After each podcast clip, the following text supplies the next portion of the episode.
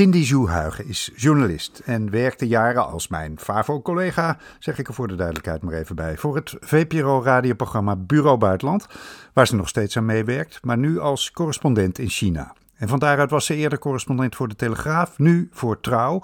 En ze levert ook regelmatig bijdragen voor diverse internationale media. De logica achter dit verhaal is de adoptie van Cindy, die geboren is in China, maar als baby in 1993 geadopteerd werd door een Nederlands echtpaar. Als kind met een Chinees uiterlijk in Nederland maakte, ze dat, maakte dat ze zich hier nooit helemaal thuis voelde.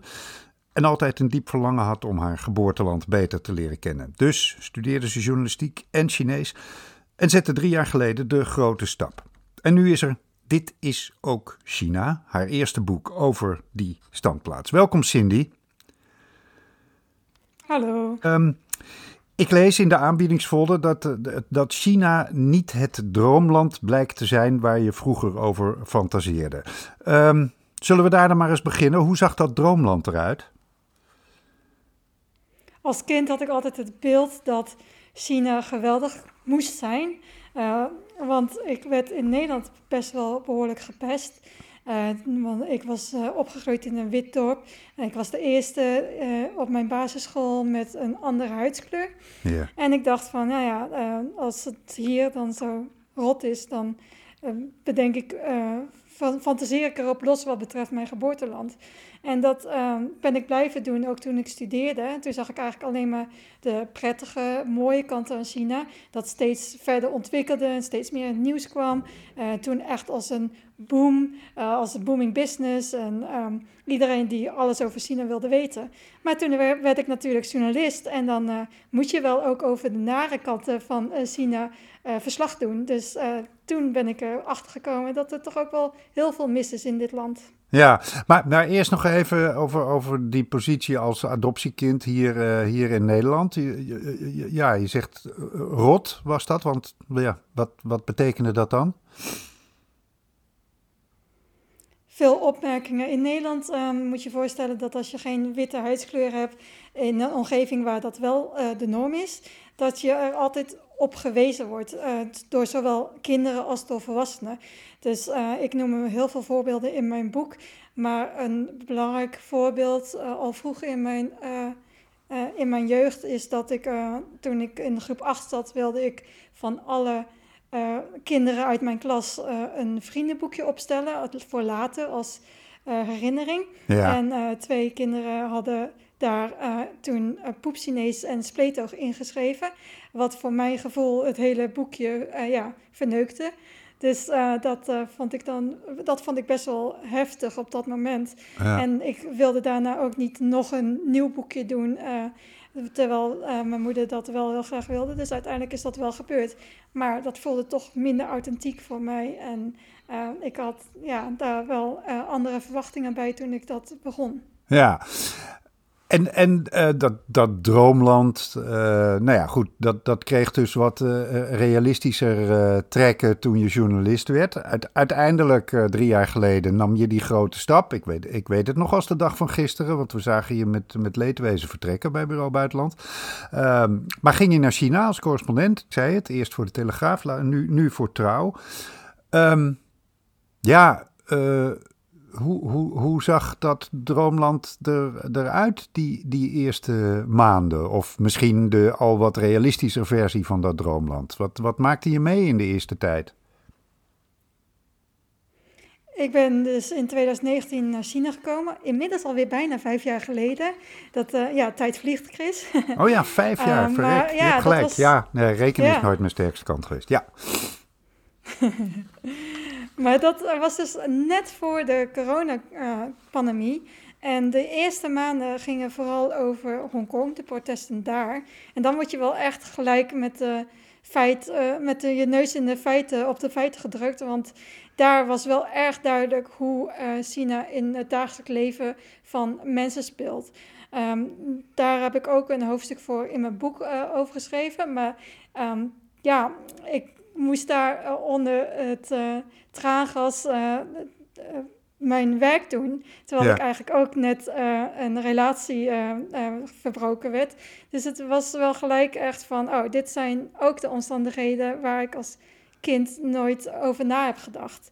Ja. En toen de coronapandemie begon, was het voor alle buitenlanders die hier in dit land werken, werd het direct duidelijk dat ja, zij kunnen altijd goed kunnen altijd goed zaken doen in China.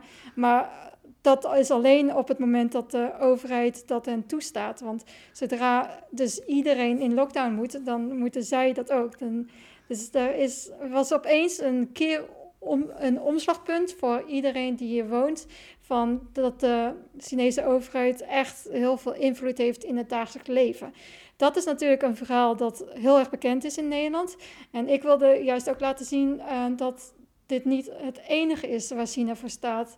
Uh, dat de overheid niet uh, alleen, dat China niet alleen de overheid is, maar ook zijn burgers, waar we eigenlijk veel minder over horen in het Nederlandse medielandschap. Ja, en, en daar, uh, ja, dat, dat uiterlijk, Chinese uiterlijk van jou, wat hier in Nederland dus voor, voor een, een gedeeltelijk vrij nare jeugd zorgde, dat was daar dan juist weer een voordeel, hè?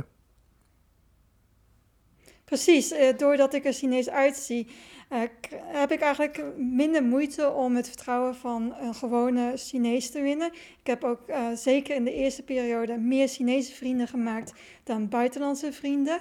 En dat, uh, dat zie je ook echt terug in mijn boek. En daarin richt ik me ook vooral op de vraag van hoe was mijn leven geweest als ik hier was opgegroeid?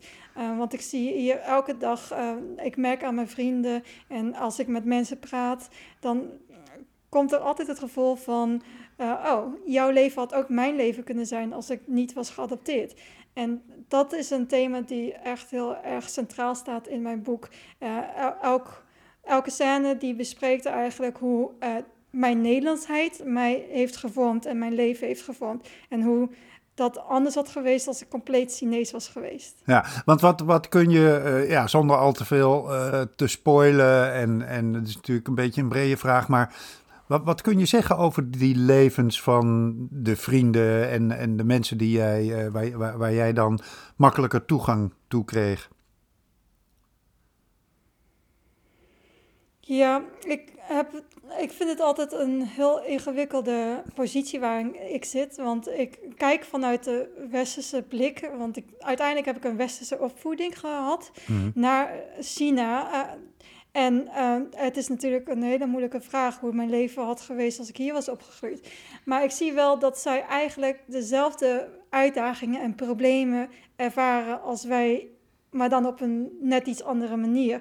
Een, voorbeeld is in de ouderenzorg. Um, zij zijn eigenlijk ook gewoon bezig met vergrijzing en hoe moeten ze voor een ouderen gaan zorgen. Maar familie speelt, dan een veel belangrijke rol dan in Nederland. In Nederland zijn we er jaren van uitgegaan dat uh, de overheid uh, wel voor de ouderen zorgt, dat er sociale zorg is van, uit de overheid. Terwijl hier in China jaren vanuit is gegaan dat je door familieleden wordt uh, wordt verzorgd. En dat is aan beide kanten is dat nu een beetje aan het omdraaien, waar in China uh, individuele mensen steeds meer iets hebben van, ja, ik wil ook mijn eigen leven leiden en uh, moet ik mijn ouders wel verzorgen als ze ouder zijn. Terwijl we in Nederland steeds meer iets hebben van, de, de zorg kan het niet meer aan en er moeten wel mantelzorgers vanuit familie en vrijwilligers komen. Ja, ja.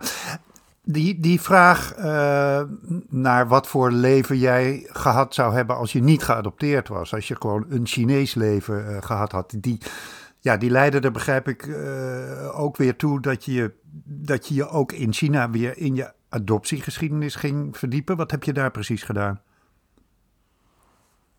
Ik ben een paar keer naar mijn geboorteplaats gegaan. En mijn eerste reis was om echt het politierapport te vinden waarin dan staat beschreven hoe ik zou zijn uh, gevonden, want dat wist ik tot op dat moment nog niet. En daar uh, zijn wel uh, resultaten uitgekomen. En nou ja, daar zullen we dan niet te veel over spoileren. Nee. Maar wat ik ook heb gedaan, maar wat ik ook heb gedaan is op zoek gaan naar alternatieven voor interlandelijke adoptie. Want ik vind dat er heel veel bewijs is dat interlandelijke adoptie eigenlijk gewoon verkapte uh, kinderhandel is geweest. Uh, terwijl er goede alternatieven waren geweest. Um, en uh, een van die voorbeelden is dat ik met iemand heb gesproken die door een Chinees gezin is geadopteerd. Dus binnenlands is geadopteerd. En haar leven is um, heel erg gespiegeld met de mijne. maar dan heeft zij wel dus de Chinese opvoeding en hoeft, heeft zij dus niet moeten leven met de weet dat ze uit de cultuur is getrokken en um, dat ze in een omgeving is opgegroeid waar iedereen er anders uitziet. Um, en dat vond ik uh, heel interessant om daar naar te kijken. Ja, ja. En uh, durf je het dan ook aan in je boek, zonder dat we nu de uitkomst daarvan hoeven te weten, maar om, uh, om inderdaad die twee levens, dat van jou en dat van haar, naast elkaar te leggen en, en jezelf de vraag te stellen: welk leven had ik liever gehad? Ik ben eigenlijk tot de conclusie gekomen dat um, je kan wel een wat als vragen stellen en die doe ik ook zeker in mijn boek, maar uiteindelijk is het zo gegaan zoals het is gegaan. Dus ik kan het ook niet veranderen. Ik uh, wil wel graag uh, laten zien dat het leven in Nederland niet per se beter is geweest voor kinderen uh, die inmiddels volwassen zijn, zoals ik.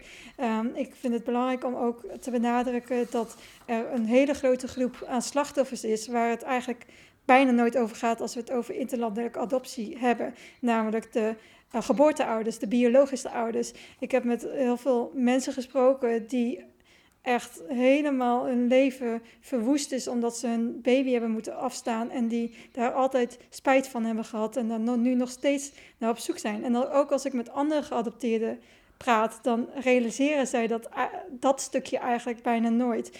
Uh, en ik heb uh, dus ook met een paar Nederlandse uh, geadopteerden in, die in China naar hun familie op zoek gingen gesproken. Ja. En zij zagen toen ook pas voor het eerst hoe erg uh, dat, nog een, dat trauma nog in de Chinese maatschappij zit. Ja, ja.